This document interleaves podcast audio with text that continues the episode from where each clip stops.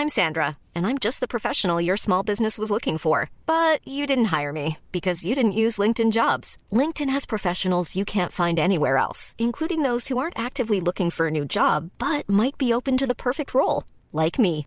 In a given month, over 70% of LinkedIn users don't visit other leading job sites. So if you're not looking on LinkedIn, you'll miss out on great candidates like Sandra. Start hiring professionals like a professional. Post your free job on linkedin.com/people today. Burrow's furniture is built for the way you live. From ensuring easy assembly and disassembly to honoring highly requested new colors for their award-winning seating, they always have their customers in mind. Their modular seating is made out of durable materials to last and grow with you. And with Burrow, you always get fast, free shipping. Get up to 60% off during Burrow's Memorial Day sale at burrow.com slash ACAST. That's burrow.com slash ACAST. burrow.com slash ACAST.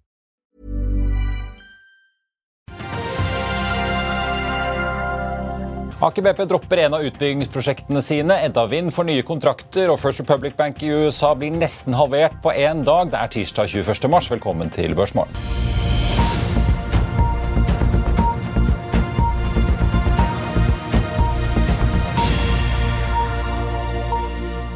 Riktig god morgen alle sammen, og velkommen til Børsmorgen her hos oss i Finansavisen. Mitt navn er Marius Lorentzen, og med meg er aksjekommentator Karl Johan fra Smestadammen her i Oslo. Vi får straks med oss forvalter Thomas Nilsen i First Fond. På kalenderen i dag så er det da dagen før dagen, får vi si, med tanke på rentebeslutningen i USA. Men i dag, altså på tirsdag, så skal Mediesteam ha kapitalmarkedsdag her i Oslo.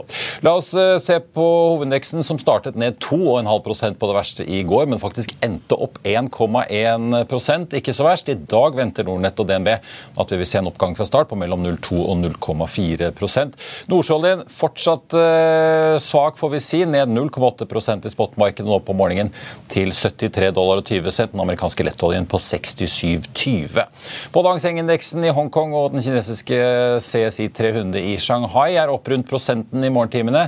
Nikkei ligger eh, får vi si, inne med ut, ingen endringer, gitt at den holder stengt i eh, dag. Alle pilene snudde jo så å si i går, ikke bare her hjemme, men også ute i verden.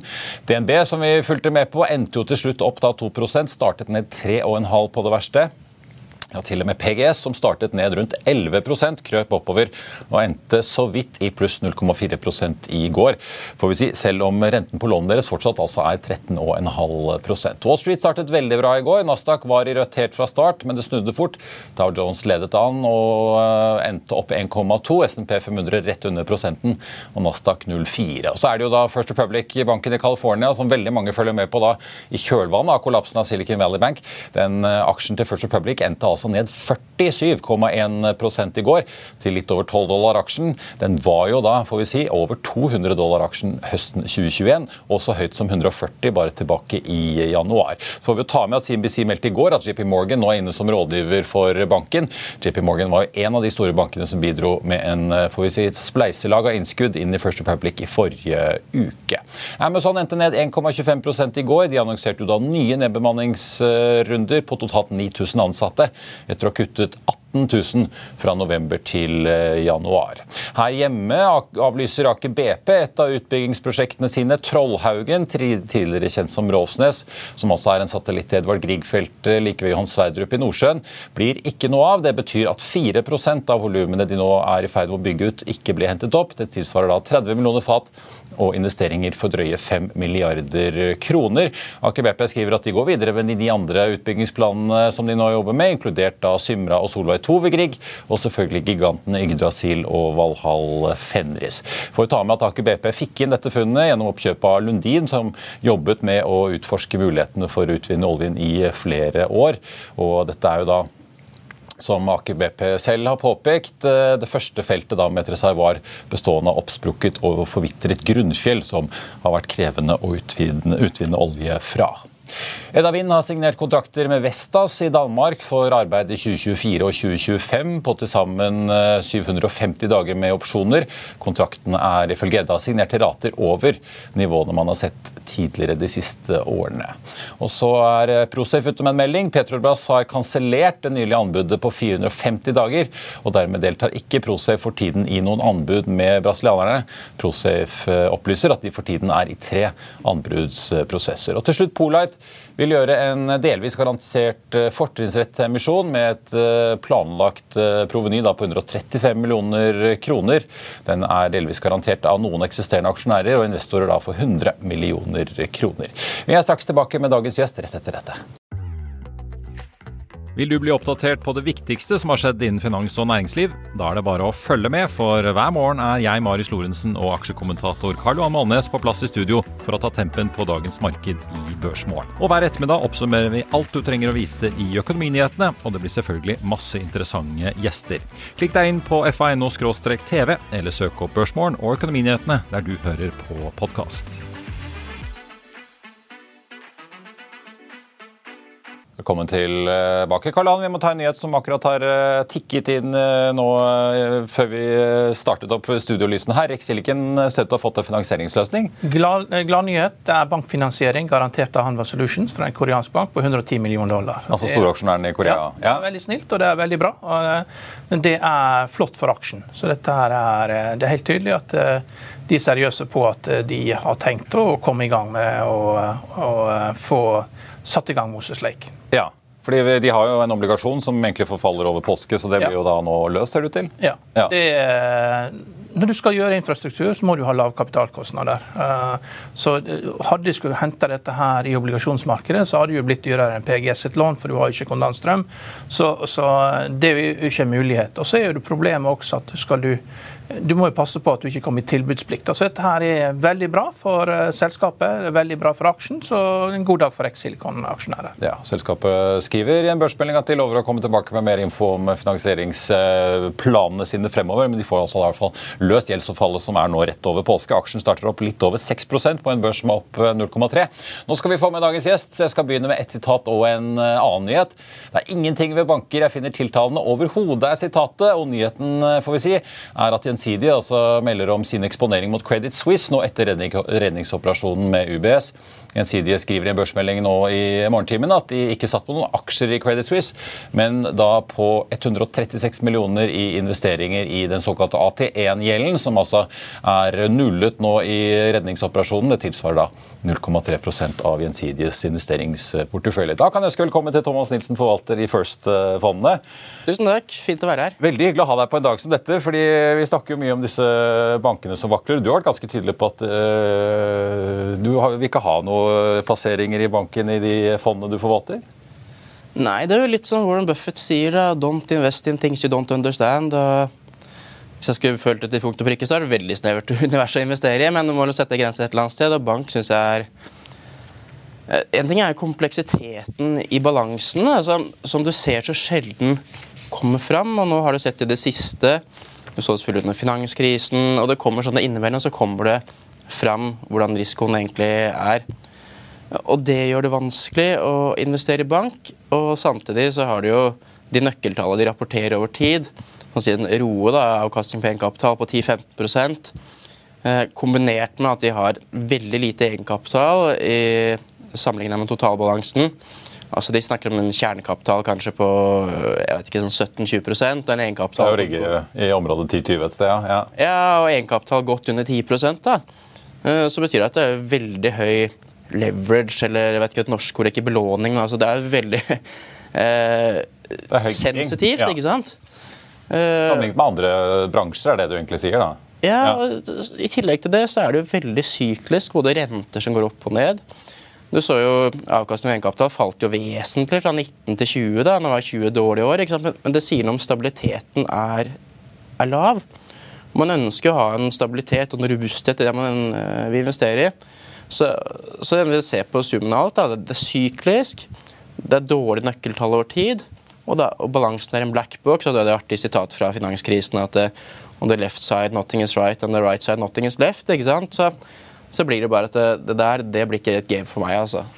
Så kommer det fram innimellom sånn som nå i det siste, da, at banker har høy risiko. Du kan sikkert sitte med høy risiko i fem eller ti år uten at det kommer frem, og så plutselig så kommer det frem. Ja. Det er jo det som har en tendens til å skje. altså Plutselig så eh, kommer jo ting litt sånn bardust på. Ja, nei, Det er enkelte value-investorer som ikke har bankaksjer i det hele tatt. De holder seg unna fordi eh, det er for komplisert. Manning Napier gjør det, og GMO holder seg unna banker. Så det er det er, eh, det er fordi at hvis det går bra resten av næringslivet og banken Det må gå bra for resten av næringslivet for at banken skal gå bra. Ja. Da eier jo de aksjene i stedet, da. Men det, eh, Som forvalter, da, du sitter ikke i bank, men eh, hva tenker du om markedet når du ser såpass store svingninger eh, som du gjør om dagen? Vi har jo sett, En ting er jo disse bankene som faktisk har vaklet, men vi ser jo store utslag. I, så, altså det smitter jo over på Oslo Børs og ellers i verden. Jeg tenker veldig lite på det, for helt ærlig. Det er alltid, alltid, noe å bekymre seg for. det har det vært i, Og så kanskje vært enda mer nå, og så kanskje man tror at det er mer nå, at det egentlig ikke er mer nå enn før. Det har vært korona, det har vært eh, krig, og det har vært høy inflasjon, og nå er det noe bankrusk. ikke sant? Jeg bruker veldig liten tid på å bekymre meg for det. Jeg følger modellen, og den eh, styrer på en så rasjonell måte som mulig. og Utover det så tar jeg livet med ro. og leser avisene, for all del. Men, ja. Men du lager ikke scenarioer altså, for liksom, hva, hvordan er porteføljen eksponert mot hvis det nå blir nedgangskonjunktur? Hva skjer da? Er det kanskje enkelte aksjer jeg skulle ha bytta ut uh, hvis det blir nedgangskonjunktur? For det er jo helt tydelig at vi er på vei inn i det. Nei, for jeg tror ikke det går an å time markedet. Uh, og min strategi er at uh, Jeg har en del parametere, sju parametere, så jeg går inn på de nå. Men det, det er primært kvalitet. da. Og kvalitet funker over tid. Det funker ikke alltid. og Hvis jeg skal prøve å tilpasse at akkurat nå, tror jeg at råvareprisene skal opp eller ned, tror jeg rentene skal gjøre et eller annet, tror jeg økonomien skal bli sånn og sånn. Hvis jeg skal begynne å rote meg borti der sånn, det har jeg ingen forutsetninger for å gjøre bedre enn andre. Og derfor så, Jeg veit kvalitet funker over tid, så bare hold deg til det du skal. Ikke tulle, eh, rot deg bort til andre ting, så, så kommer det til å gå, gå helt fint. Men så man lever med at enkelte ganger så går det eh, så gjør man det dårligere enn en, en referanseindeks. Eh, men eh, vi må se langsiktig på det. Men Hva er den mest konjunkturutsatte aksjen du har i porteføljen da, blant de store aksjene du har? Oh, det var et uh, vanskelig spørsmål. Mm. Jeg prøver ikke at noen skal være så veldig konjunkturutsatt. De skal være konjunktur, så, så lite konjunkturutsatt som mulig. Okay. Uh, ja, for det er jo sånn som Pandox ja, ja, nei, det er, Du har jo sånn som Pandox uh, som driver med smykker. Hvis folk strammer inn på forbruket, da? Ja, og Pandora. Nei, Pandora. Jeg skjønte ja. Pandora. Uh, og, og, det, liksom, kursen gikk fra 900 til 300 et eller annet mm. gjennom i fjor. Vi får til levert gode tall. Nå er den oppe i 6, ja, ca. 600 igjen. da. Ikke sant? Men de leverer gode tall, for det, det, er masse gaver. ikke sant? Og folk slutter ikke med det.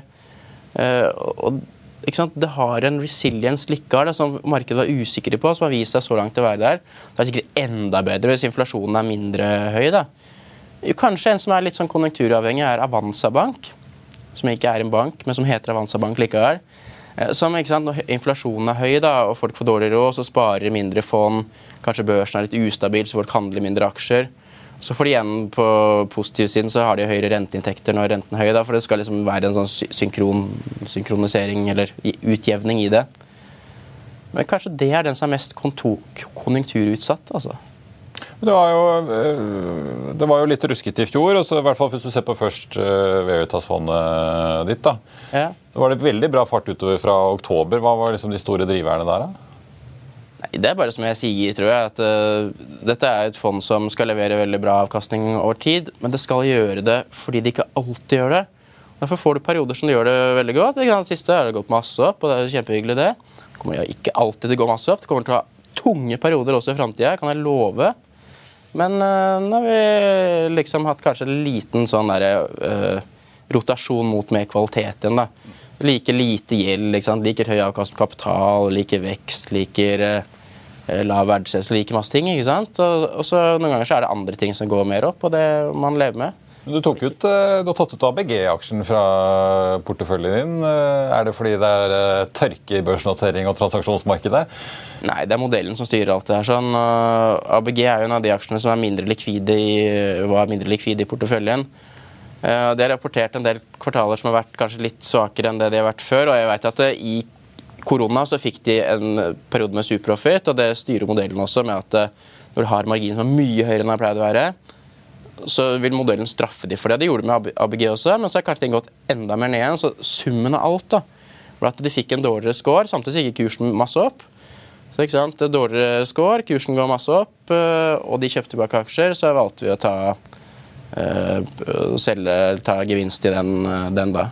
Ikke kjøpt noe nytt, det er bare spredt på de øvrige posisjonene. Det er det eneste jeg har gjort da siden eh, Novo Nordisk er en av de største aksjene i porteføljen din. ikke sant? Og Der er jo det store prisrabatter på den gamle medisinen. da. Det går jo ikke utover prisene på de nye. og Hvordan reagerer modellen din? Hva er det som, hvilke input er det som kommer? Hvilke, hvilke endringer kommer inn?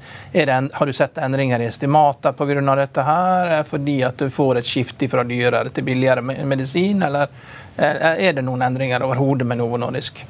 Jeg har vel sett en sånn kommentar på at man tar jo opp estimatene Jeg bryr meg ikke om det. Jeg legger ikke inn at man tar opp estimatene i modellen. Jeg har lagt merke til det, eh, at det har man gjort. Og det er jo pga. det har vært en voldsom aktivitet rundt eh, de liksom, avknopperne av de tidlige diabetesmedisinene. Denne Vegovi Fedmemedisin. Altså for de nye Ja, ikke sant? Som, der de produserer så mye de kan, holdt jeg på å si. Det har vært eh, masse om på sosiale medier. Om det- helt og flamme. Ja. ja, så at det der, der er det en liten gull, gullgruve de sitter på. ikke sant? Så må de sette ned prisen på det andre, og så kanskje det kan gjøre at det blir større etterspørsel. Nå, nå snakker jeg egentlig om ting jeg ikke har så greie på, ikke sant? for det er ikke det jeg holder på med. Jeg liker å vite sånn røffelig hva selskapene driver med, altså grar graver meg ikke helt ned i detaljene, for da får du jo fort litt sånn der sunkost bias. du bruker så mye tid på det, så da må jeg i hvert fall investere i det. Så roter man seg bort til masse ting. Så det, det er sånne ting som jeg lar meg lure like mye av som alle andre, som gjør at jeg har modell som styrer dette her, sånn, så jeg slipper å gjøre dumme ting, men den kan gjøre smarte ting isteden. Men Novo har vært bra. ikke sant? Det Men du blir ikke fristet til å ta inn sparebanker, da, som er mye lavere risiko enn forretningsbanker? og Du har liksom eh, aksjer med airbag, altså det er eh, grunnfonds, eh, sånn egenkapitalbevis. Du tror ikke det vil eh, bli lønnsomt herfra, da, å begynne å vurdere de? Det er mange ting jeg blir frista men det er ikke en av de akkurat det. altså. Nei. Jeg skjønner ikke noe det gjelder. ikke sant? Nei. Det er masse, masse kompleksitet der. Det skrev jo om det Askim og Spydberg Sparebank i avisen deres eh, Ja, ja. Ja. tidligere. Det kan jo være masse risiko der òg, selv om det ikke er som kanskje ikke en eller annen lokal sparebank er det samme som Credit Suisse. Det kan jo være risiko for det. Ja. Så jeg skjønner ikke det. Dårlig, dårlig drevet eh, bankhåndverk kan skje overalt. Ja. Eh, Skal vi snakke litt eiendom, for Du har jo forvalter jo også et eh, nordisk eiendomsfond. Der har det jo mildt sagt eh, skjedd mye det siste året. It's that time of the year. Your vacation is coming up.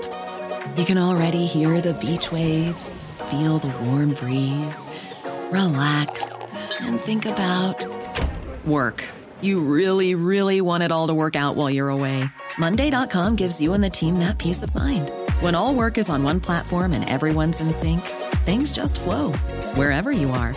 Tap the banner to go to Monday.com.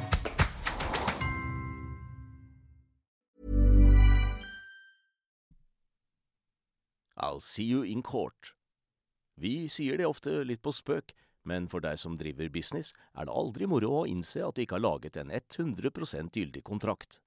Du bør ikke risikere hele firmaet ditt fordi du synes dette med kontrakter er litt stress. En avtale er ikke en avtale. Du kan miste kunder, miste venner, ja, til og med miste inntekter om du ikke lager en skikkelig kontrakt, på alt mulig, egentlig.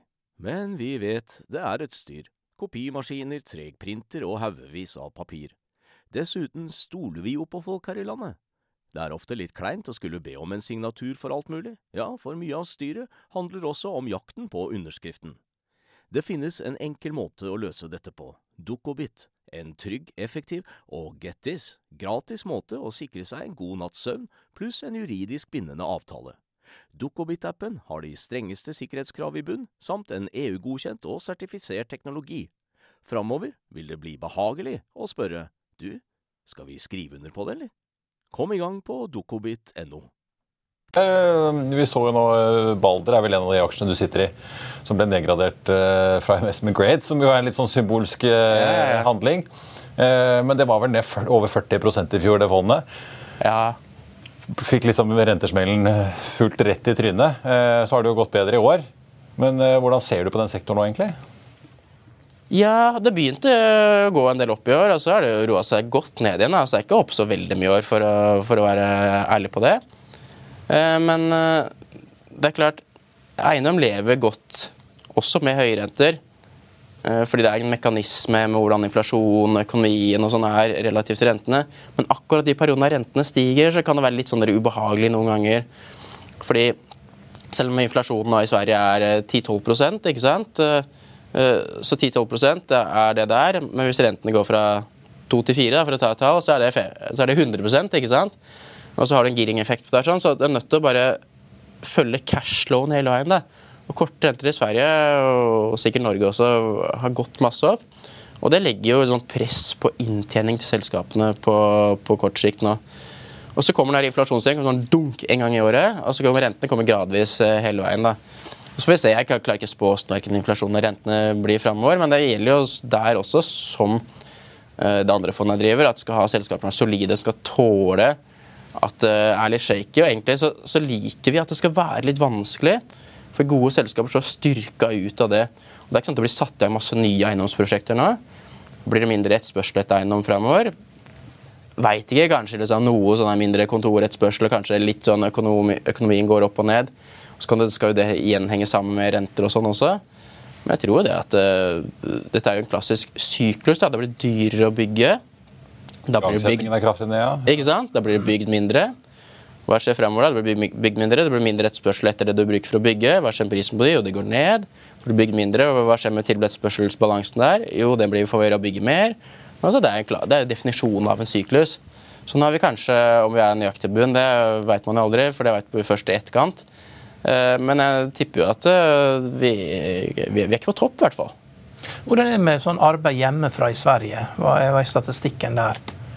Aner ikke. Aner ikke Altså, jeg kan godt ha en radio anekdoter, men det er jo bare det er det det er verdt. holdt jeg på å si. Ja, er det generelt sånn at folk går på kontoret, for det er jo viktig for eiendomsverdiene? Eh, ja. ja, for jeg så i hvert fall... Nei, Jeg har selvfølgelig hørt og ting, men jeg har ikke noe statistikk Nei. på det. og Jeg tror ikke liksom all statistikk ikke er nøyaktig uansett. Ja. så jeg ja. tror ikke det er noe spesielt annerledes. Ja, for jeg så i hvert fall I forrige månedsrapport eh, så er det jo overvekt Sverige, null i Norge.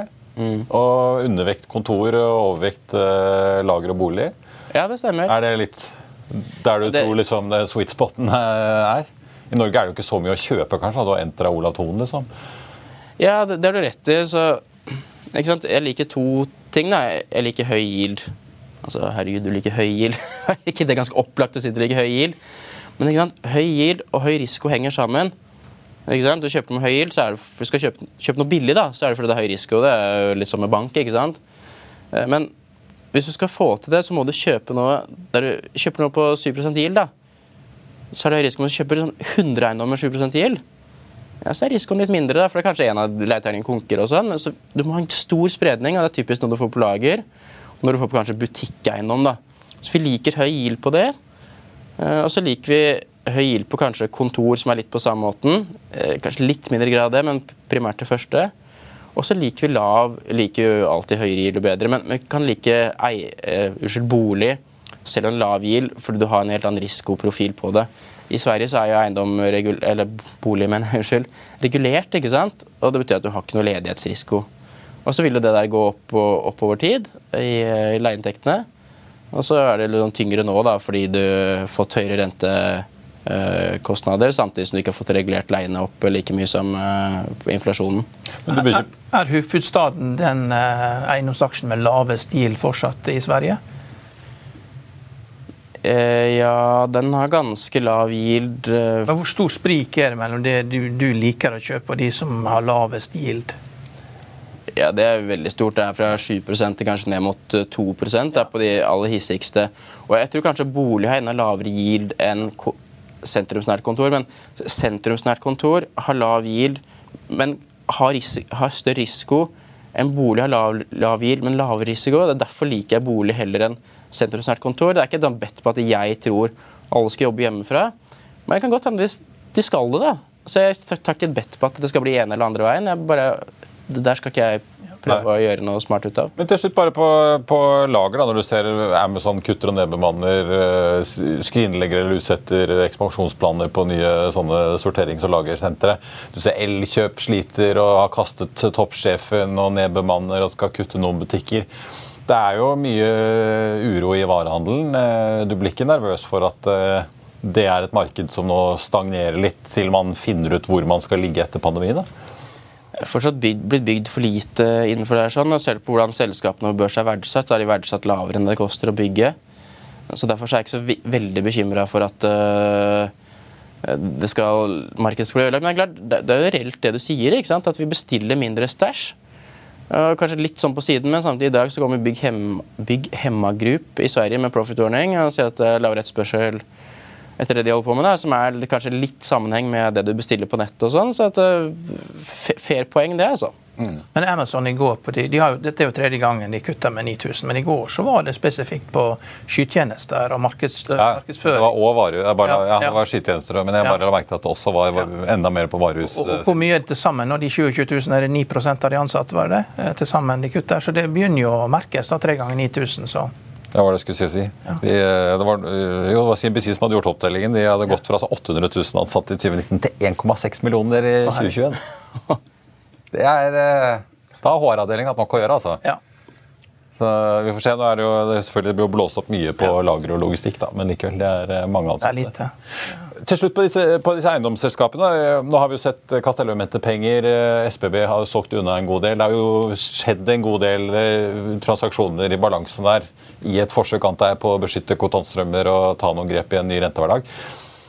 Føler du i hvert fall sånn underliggende, for du skriver jo litt om inntjeningen til disse eiendomsselskapene i, i siste månedsrapporten din, eh, men føler du liksom at de nå er posisjonert, de fleste av disse her, for å komme seg gjennom stormen? Ja, jeg håper jo det, da. Ellers hadde jeg ikke gjort jobben min. Men eh, det er klart eh, vi skal jo styre unna de selskapene som har dårlige balanser, og SBB er jo et eksempel på det. Vi har uh, andre eksempler også. Men, men så jeg vil ha balanse. Du skal ikke ha, liksom, du skal ikke ha nullån, da. For det blir jo dumt, det også. Så, så vi skal ha en balanse av selskaper som det skal vokse, for hvis du ikke vokser over tid, så blir det ikke noen gode investeringer over tid. Da blir det liksom best fall en compounder eller et sånt hvis du skal, eier et bygg i 15 år der med staten som motpart og slenger beina i bordet og håper rentene ikke går opp, så, så, er det en måte å skape verdier på som er lavere enn det vi liker å gjøre i de selskapene vi investerer. fordi antall kvadratmeter du har under utleie og forvaltning, det er den viktigste verdidriveren over tid på børs. Og du nevnte Baldris, det var nedgradert av, av Moody's, da, som er en partner som de, de som, som de slutta å kjøpe tjenester fra. Og litt morsomt, Jeg så en sånn graf i går at Eh, First Republic Bank fra USA det ble nedgradert av eh, Moody's og SMP da, etter at de hadde stupt med ikke sant? Ja, det er ofte, ofte, litt, eh, ofte litt, sent at de kommer på Så det, er helt, si det, det er helt absurd at det, det er masse obligasjonsfond som kun får lov til å investere i obligasjoner som er rata minst der de investment grade eller har en annen nivå på det. Altså Basert på en sånn ekstern Det blir som at jeg bare har lov til å kjøpe aksjer der Pareto har kjøp, liksom. Jeg synes Det er en helt absurd måte å Hvis du har en tvungen motpart da, Jeg må selge pga. en eller annen har en eller annen eh, et syn på det. Eh, ja. ja. Liker å kjøpe ting på tvangssalg, liker å ikke kjøpe ting på tvangssalg. Det er jo mest sannsynlig det første. det. Så jeg håper jo for guds skyld at Balder kjøper obligasjoner og sånn. På der, sånn og Guds gave til de eh, at hvis det var noen som var sur på de og nedgraderte, så tusen takk for det. vi, får, vi, får, ta de uh, oppfordringene til næringen, kan vi kalle det, Thomas. Ja, ja. ja. Thomas Nilsen i First Fondet, takk for at du var eh, med oss.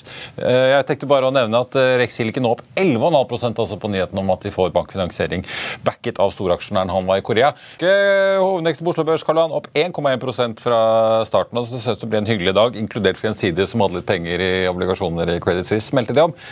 Og Veldig hyggelig for eh, Rex Silicon. Men skal vi snakke litt om eh, First Republic og oppgjøret med både de og Signature Bank etter kollapsen der? Det skjer jo litt ja. fortsatt?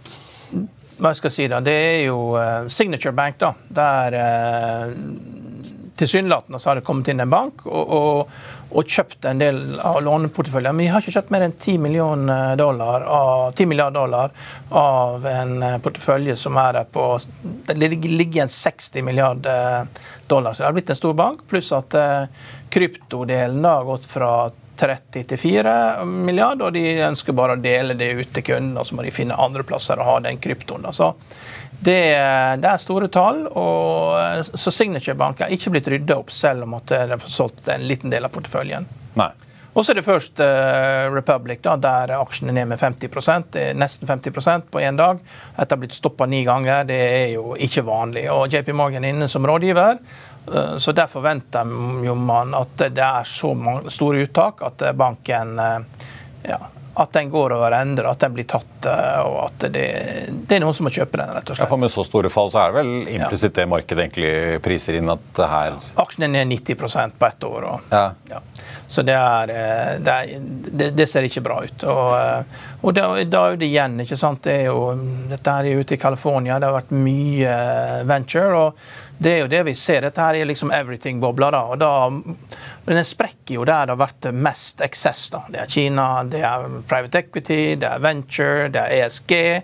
og Alt dette her går man etter. Jeg så også det var stor outflow på ESG-fond nå. 4 milliarder dollar. Aldri vært så stor herfra. Så begynner, pengen, begynner, folk å trekke pengene ut av dette. her. da. Så det er ikke noe medvind lenger som har vært der i mange, mange år. Nei. Så, nei, så bank, bankkrisen den uh, ruller på, altså. Så det, og der er jo 200 slike banker som à la First Republic som sliter. Og, men problemet er jo det at du kan jo ikke sosialisere og gi full liksom, deposit insurance. fordi da vil jo alle bankene kunne konkurrere om å ha høyest mulig rente. Det kan jo gi 10% rente, og spiller jo ingen rolle om det går konkurs, fordi at du blir dekka likevel. Så det er jo ikke bra, det heller. Aksjonærene blir jo sittende med null, da? Eller nesten null? Jo, men, men, likevel. altså det Banksjefene, de, hvis, du, hvis, du, kan bare øke renta for å tiltrekke deg uh, ubegrenset med kapital, og, og, og, og, så får du en moral hazard, da, fordi at uh, alle vil jo da gi veldig gode renter til sine venner, kjøre banken over styr, og så og så kommer staten og plukker opp regningen. Så det går ikke. Nei. Så det her må man finne litt andre løsninger. Så det er ikke noen løsning å gi full deposit insurance til alle. Det går ikke. Men det er klart, USAs finanssystem er konstruert skjørt for at sånne ting skal skje. Eh, det er det eneste, det eneste finansielle systemet som, der du kan putte inn ubegrenset med penger. Da må du ha en fleksibel struktur og det er det du har. Og Da går det over ende. Så det er prisen for verdensvalutaen. er At du, du importerer eh, mer, eh, mye varer fordi at du skal eksportere dollar. og Du må ha et eh, skjørt finansielt system inni som en som svamp som absorberer all den likviditeten som kommer inn til ulike tider. Og da går det over ende sånn som dette her. og Det er derfor at verken Kina eller noen andre merkantilistiske land kan ta over verdensvalutaen. For da må du ha eksportunderskudd. Og det, alle de har jo eksportoverskudd. Mm. Du må ha store eksportunderskudd. Det er kun USA som eh, klarer.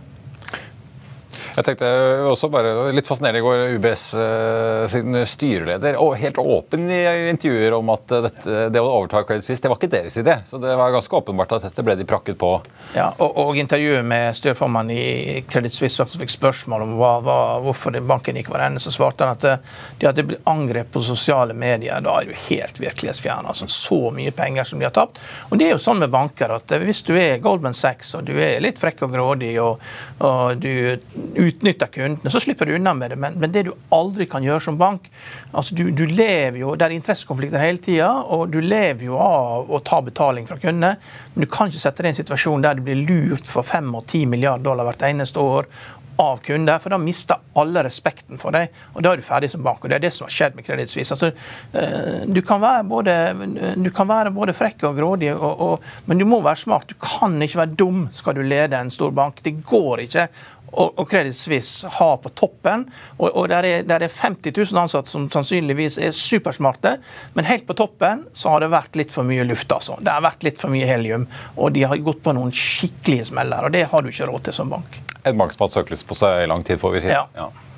Takk skal du ha, Karl Johan. På tappen av sendingen fire analytikeroppdateringer som har kommet eh, siden sist, som er verdt å få med seg. Morgan Stanley har regnet litt på Equinor. Kutter kursmålet fra 360 til 325. Gjentar sin Holland-befaling. Equinor endte i går på litt over 291. Nå ligger den på nesten 296, opp halvannen prosent på Oslo Børs. Vår Energi, Sparebank Markets, kutter kursmålet fra 47 til 40. Gjentar sin kjøpsanbefaling. Den ble sist omsatt for 25,58. Ligger nå på 26,20 omtrent, opp et drøye 2% Det får vi også si at Aker BP er i dag, etter da meldingen om at de legger en av utbyggingsprosjektene sine Trollhaugen i skuffen. Sparebank Markets har også regnet på hydrogenselskapet Nell. Nedjusterer kursmål der fra 6,50 til 6 blank og gjentar salgsanbefalingen. Den endte i går på 14,45 til slutt. Så har Morgan Stanley regnet litt på industrikonsernet Elkem. Der tar de kursmålet litt ned fra 48 til 45. Gjenta kjøpsanbefalingen. Elkem endte i går på 34,68. Og så får vi da ta med Gjensidige og Rex Silicon.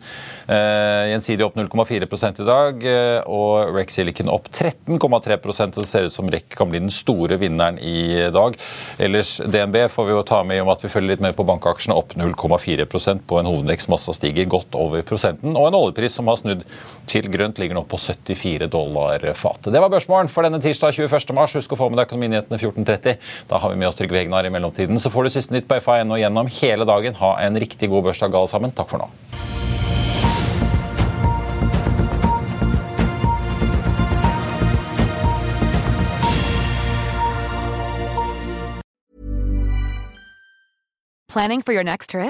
Elevate your travel style with Quince. Quince has all the jet setting essentials you'll want for your next getaway, like European linen, premium luggage options, buttery soft Italian leather bags, and so much more. And is all priced at 50 to 80% less than similar brands. Plus, Quince only works with factories that use safe and ethical manufacturing practices. Pack your bags with high-quality essentials you'll be wearing for vacations to come with Quince. Go to quince.com/pack for free shipping and 365-day returns. Økonominyhetene er en podkast fra Finansavisen. Programledere er Marius Lorentzen, Stein Ove Haugen og Benedikte Storm Bamvik. Produsenter er Lars Brenden Skram og Bashar Johar. Og ansvarlig redaktør er Trygve Hegnar.